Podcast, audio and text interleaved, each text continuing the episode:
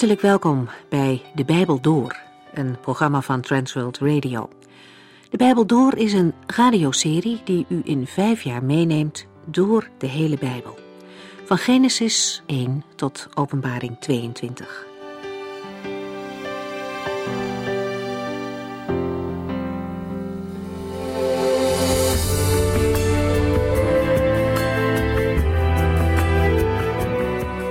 We zijn bezig in het boek Jozua. Dat gaat over de inname van het beloofde land. De vorige keer ging het over een bijzondere ontmoeting die Jozua had. Voor de strijd om het land gaat beginnen, komt de aanvoerder met een hoofdletter, de aanvoerder van het hemelse leger van de Here bij hem. En dat is de Heer Jezus zelf. Hij spreekt met Jozua, hij bemoedigt hem en hij geeft hem orders voor de strijd. Jozua leerde en accepteerde dat hij niet de aanvoerder was. De leiding kwam direct van de Here. Hij heeft de leiding. En dan kunnen er opdrachten volgen die helemaal niet zo logisch lijken.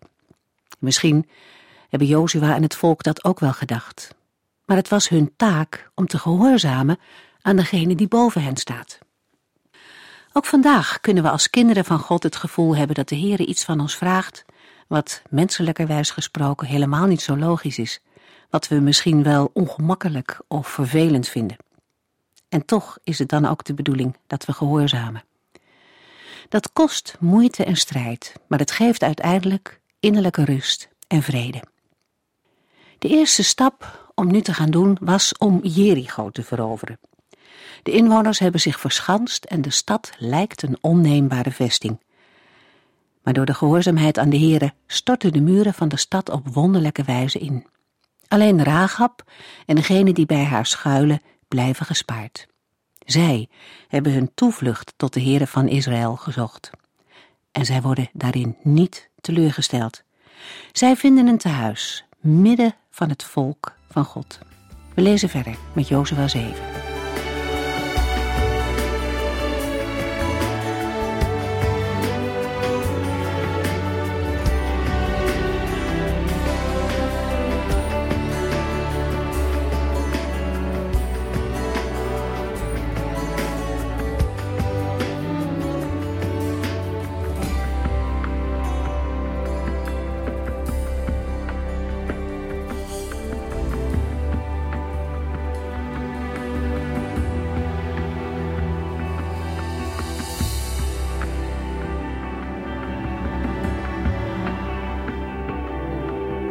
In de vorige uitzending hebben we gelezen over de verovering en inname van de stad Jericho. Geweldig hoe de Heere helpt en de overwinning geeft. In Jozua 7 gaat het verder.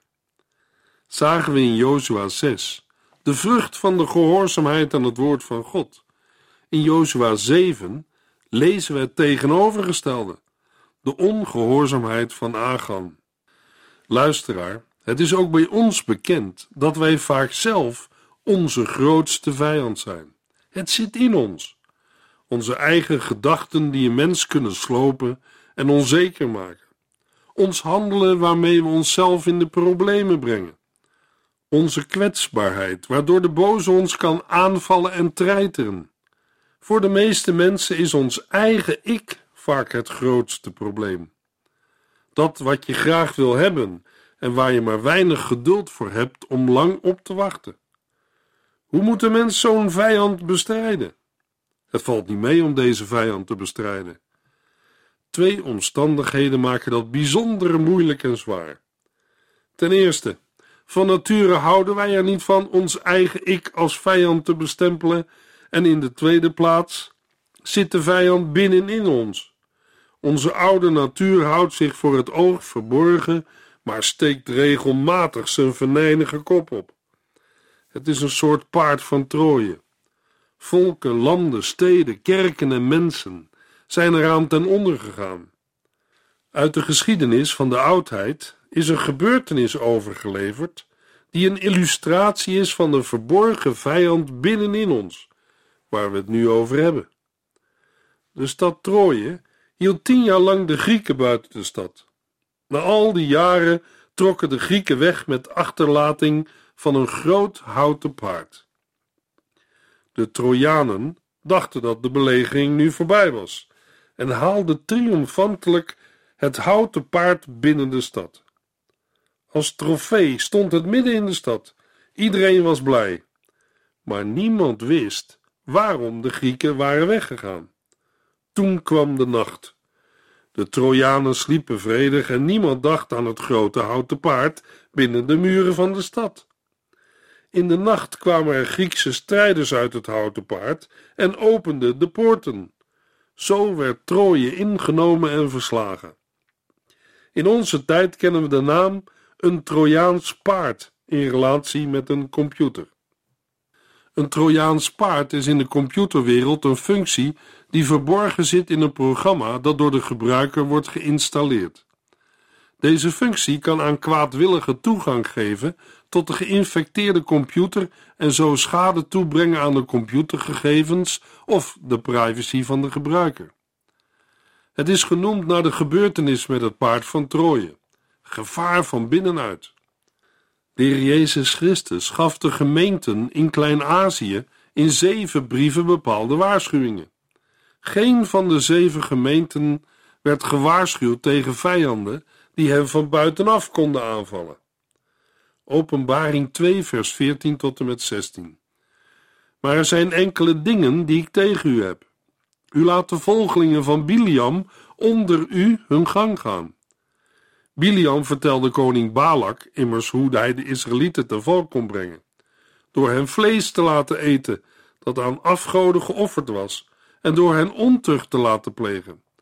Zo zijn er onder u mensen die de verderfelijke leer van de Nicolaïten volgen. Keer daarvan terug, anders kom ik binnenkort naar u toe om hen met het zwaard uit mijn mond te bevechten. De heiland waarschuwde ook in Openbaring 2 vers 20. Toch heb ik iets tegen u. U laat die vrouw Izebel maar haar gang gaan. Zij beweert namens mij te spreken, maar leert de vreselijkste dingen. Zij verleidt mijn dienaren tot ontucht en het eten van vlees dat aan afgoden geofferd is. Christus zei tot deze gemeenten: U wordt van binnenuit bedreigd. Dat vernietigt u zelf. Liefdeloosheid en dwaalleer binnen een gemeente geeft meer beschadiging dan een vijand van buitenaf. Er kan van alles zijn wat een mens van binnenuit kan slopen en vernietigen. Onze grootste vijand zit binnenin ons. Met het eigen ik op de troon van je leven blijft de mens buiten de genade van God staan en gaat verloren. De enige veldslag die het volk Israël verloor toen zij het beloofde land in bezit namen, was de veldslag die werd beheerst door begeerte naar buiten. Sommigen hadden erom gelogen en het stiekem tussen hun spullen verstopt. Toen het volk Israël het beloofde land introk, waren er niet veel vijanden. Als we terugkijken, ontdekken we maar drie dingen die hen in de weg stonden. Ze zijn samen te vatten in de namen van twee steden en een groep mensen, namelijk Jericho, Ai en de Gibeonieten. De Heer had Israël gezegd dat het land van hen was. De Heere had het hen naar zijn belofte aan Abraham beloofd. Tegen Jozua had de Heere gezegd, Jozua 1 vers 3, elk stuk grond dat u betreedt, zal deel gaan uitmaken van het land Israël. Het is van u, neem het in bezit en wees er blij mee. We mogen uit deze situatie leren. Israël heeft van de Heer het beloofde land gekregen. Globaal genomen gaat het om een land met een oppervlakte van 800.000 vierkante kilometer. Daarvan heeft Israël in de beste dagen maar een tiende deel van in bezit genomen. Nederland heeft een oppervlakte van ruim 40.000 vierkante kilometer, waarvan 20% in beslag wordt genomen door water. Hoeveel christenen genieten van de overvloed aan zegeningen die de Heere zijn kinderen heeft gegeven? We zijn toch gezegend met alle geestelijke zegen die er in de hemel is, Efeziërs 1. Luisteraar, tot onze schande moeten we vaak bekennen dat we geestelijke multimiljonairs zijn, maar leven als geestelijke armoedzaaiers.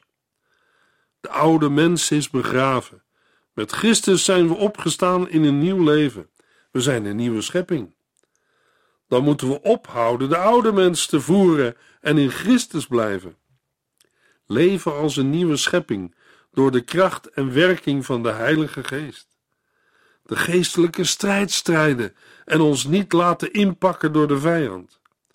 Als de vijand mij wijst op mijn schuld, zeg ik ja, maar het is alles genageld aan het kruis. Efeziërs 6, vers 13.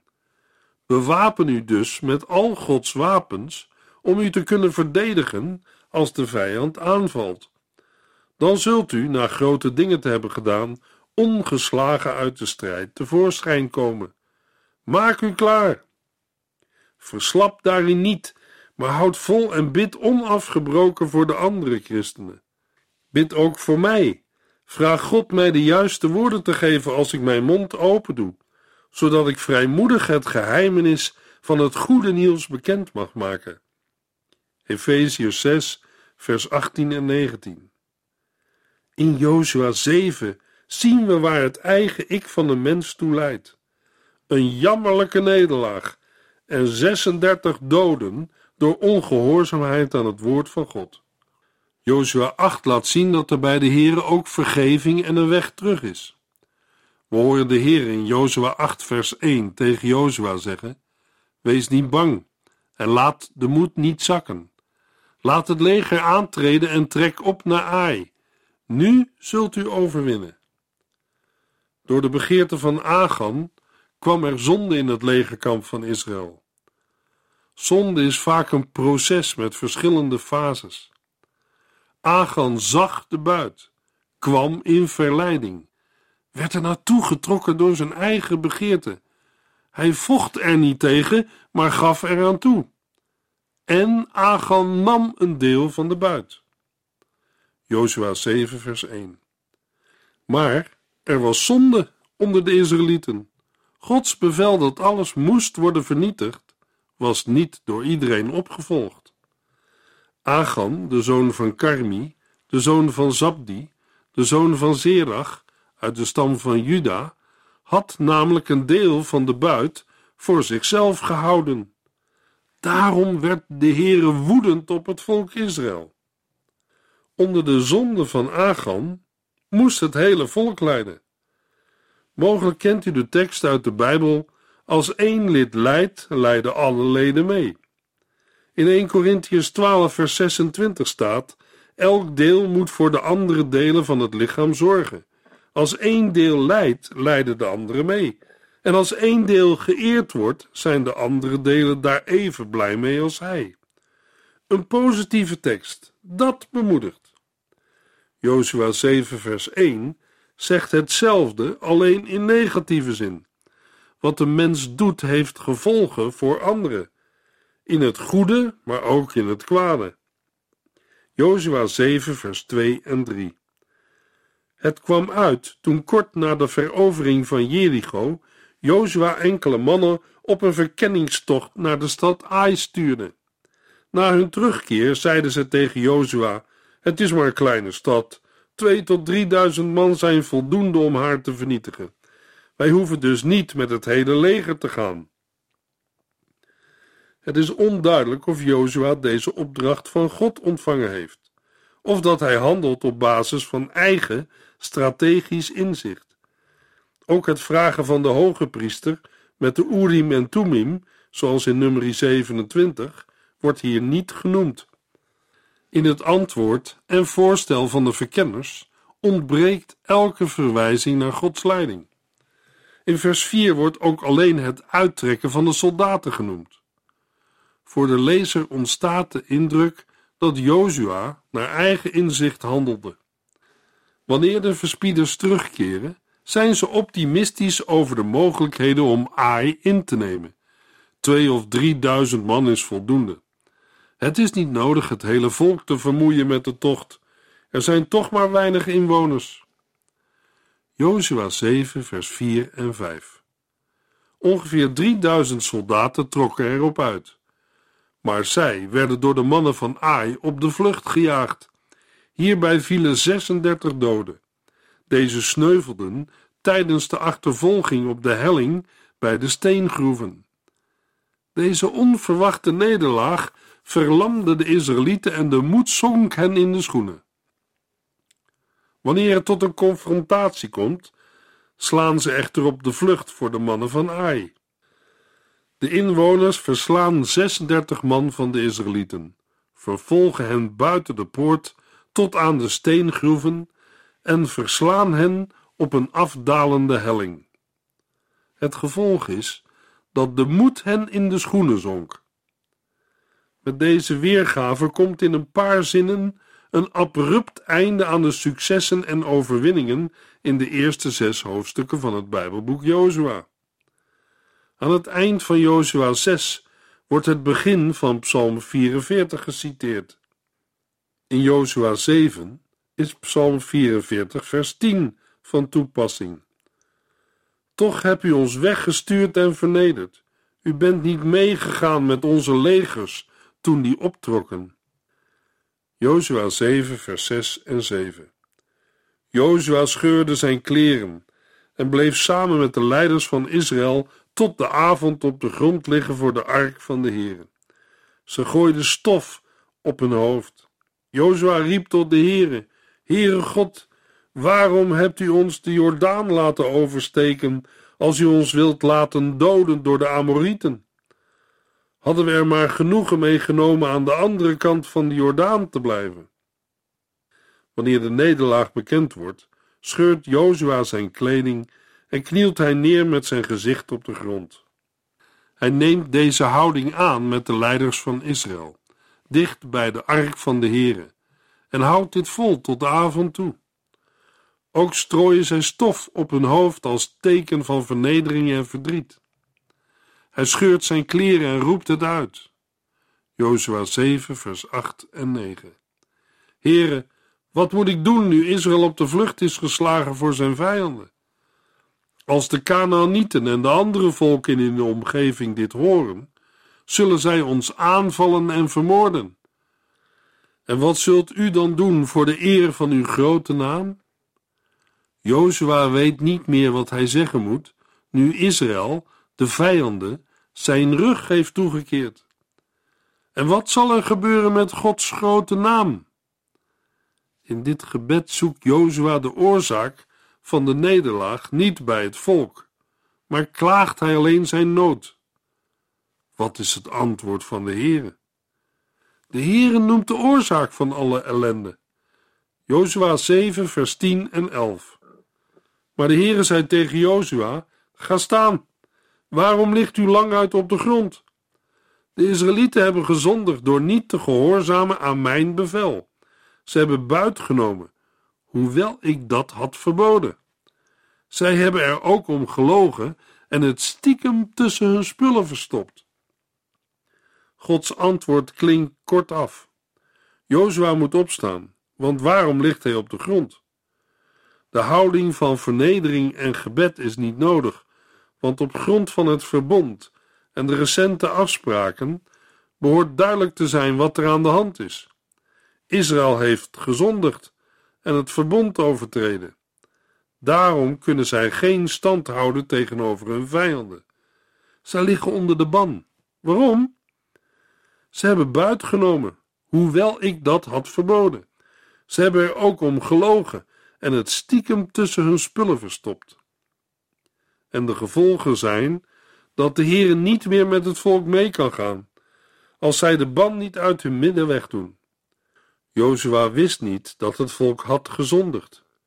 De Heere zei tegen Jozua, Jozua 7 vers 14, Morgenochtend moet u stam voor stam aantreden. Dan zal de Heere de stam aanwijzen waartoe de schuldige man behoort. De stam moet daarna per familie verschijnen, waarna de Heere de schuldige familie zal aanduiden. Daarna moet elk gezin verschijnen, gevolgd door ieder gezinslid afzonderlijk. Het resultaat is dat uit de stam van Juda de familie van Zabdi wordt aangewezen. Jozua 7 vers 18 Eén voor één werden daarna de gezinsleden van Zabdi voorgeleid en zijn kleinzoon Agan werd aangewezen als de schuldige. Door deze procedure, waarbij de kring steeds kleiner wordt, ontvangt de dader de gelegenheid vrijwillig naar voren te komen, maar Agan blijft zwijgen. Denkt hij dat het mogelijk is dat een ander als schuldige wordt aangewezen, of dat hij niet zal worden ontdekt? Ten slotte treden de familiehoofden van Zabdi naar voren en wordt Agan aangewezen. Luisteraar, willen wij toegeven dat we hebben gezondigd? Kerkleden schijnen vaak blind te zijn om het kwaad in de eigen gemeente te zien, te erkennen en op te ruimen. Kerkmensen zien het kwaad overal, maar vaak niet in eigen leven, gezin, familie of kerk. Dat is droevig. Helaas kan een mens ook te laat zijn met het beleiden van zijn of haar zonden en ze moedwillig achterhouden totdat hij of zij er niet meer onderuit kan. Dat zien we bij Agan. De gevolgen zijn verschrikkelijk. Jozua 7, vers 19 tot en met 21. Jozua zei tegen Agan: Mijn zoon, geef eer aan de God van Israël en beleid hem uw zonden. Vertel mij wat u hebt gedaan. Ik heb gezondigd tegen de Heere, de God van Israël, bekende Agan. Ik zag een prachtige Babylonische mantel, ruim twee kilo zilver en een staaf goud, die zo'n 550 gram woog. Ik kon ze niet laten liggen en heb ze meegenomen en begraven onder mijn tent. Het zilver ligt onderaan. Agan geeft toe dat hij spullen heeft weggenomen uit begeerte. De buit bevindt zich in zijn tent, in de grond verborgen, met het zilver onderop. Het zien, begeren en nemen komt ook naar voren in de zonde van Eva, Genesis 3. God ziet het verborgene, Psalm 139 en Jeremia 17. Agan is de oorzaak van de dood van zijn kinderen en de 36 mannen bij Ai, zoals dat ook geldt voor de zonde van Adam en Eva. Daartegenover staat in het Nieuwe Testament de doorwerking van de genade door Jezus Christus. Romeinen 5. God is licht en er is in hem geen spoor van duisternis. Als wij dus zeggen dat we bij hem horen, maar in het donker leven, liegen wij. Wat wij zeggen is niet waar. 1 Johannes 1 vers 6. Als wij beweren zonder zonde te zijn, bedriegen wij onszelf en doen wij de waarheid geweld aan. 1 Johannes 1 vers 8. Wat moeten wij dan doen? 1 Johannes 1 vers 9. Maar als wij onze zonden bekennen, is God zo trouw en rechtvaardig ons die te vergeven. Dan reinigt Hij ons van alles wat we verkeerd hebben gedaan. Jozua 7 vers 25 en 26 Toen zei Jozua tegen Agan, Waarom hebt u deze vloek over ons gebracht? Nu zal de Heere een ramp over u brengen. Daarop stenigden de mannen van Israël hem, verbrandden de lijken en stapelden er een grote hoop stenen overheen. Die stenen liggen daar nu nog, en die plaats wordt nog steeds het rampdal genoemd. Zo werd de toorn van de Heere gestild. Het dal waar de executie voltrokken wordt, krijgt de naam Dal van Agor, Rampdal. De naam van dit dal en de steenhoop zijn er nog in de tijd van de schrijver. Later zegt Hosea dat de Heere het dal van Agor zal maken tot een deur of poort van hoop. Hosea 2 vers 14 en Jesaja 65 vers 10. Vanuit het Nieuwe Testament zijn in dit verband Romeinen 8 vers 13 en 1 Korinthe 11 vers 31 en 32 van belang. Als wij onszelf rekenschap geven van wat wij doen, zal de Heer ons niet bestraffen. Maar als Hij ons bestraft, doet Hij dat om ons op de goede weg te leiden. Anders zouden wij met de wereld worden veroordeeld. We lazen in Jozua 7 over de nederlaag bij Ai door zonde in het legerkamp.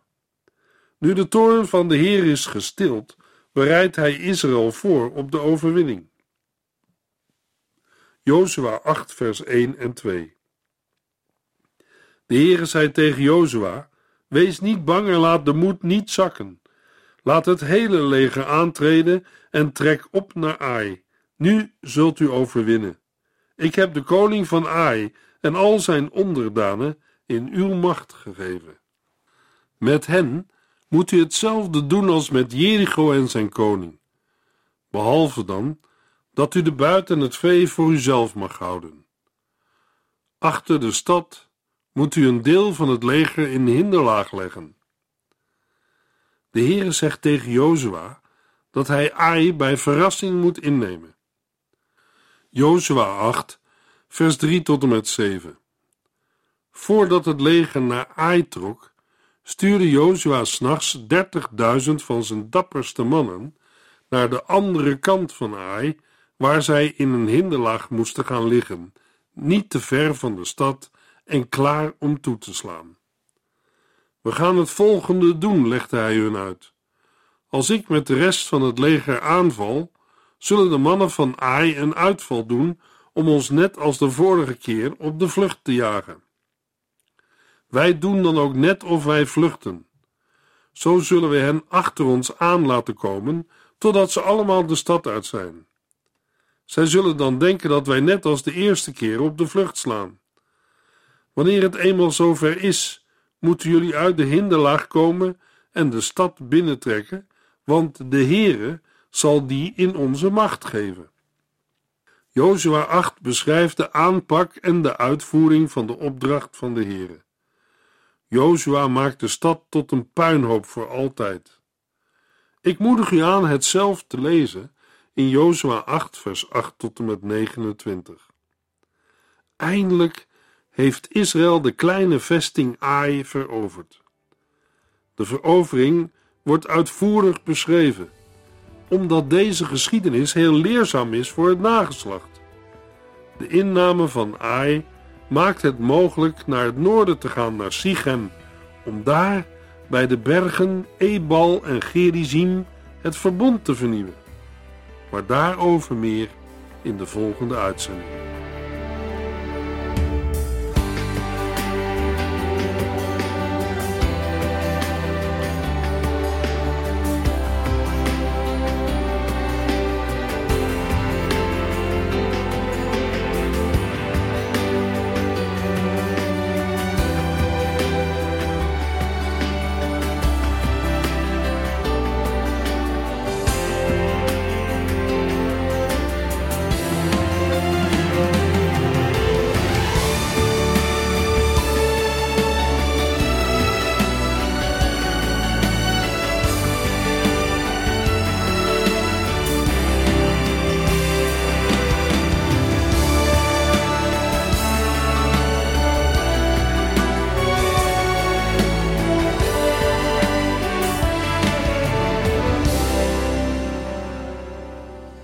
Geluisterd naar De Bijbel Door.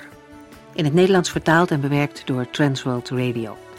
Een programma waarin we in vijf jaar tijd de hele Bijbel doorgaan. Als u wilt reageren op deze uitzending of u heeft vragen, dan kunt u contact met ons opnemen. Tijdens kantooruren kunt u bellen op 0342 47 8432. 0342 47 8432. 32. Ook kunt u een e-mail sturen naar de Bijbel door transworldradio.nl en natuurlijk kunt u ook via de post ons bereiken. TWR, postbus 371, postcode 3770, AJ in Barneveld. Dit programma werd gepresenteerd door Cor Weda en Ike André. Techniek was in handen van Odin van Woerdekom. En wij allemaal bedanken u voor het luisteren. Graag tot de volgende keer.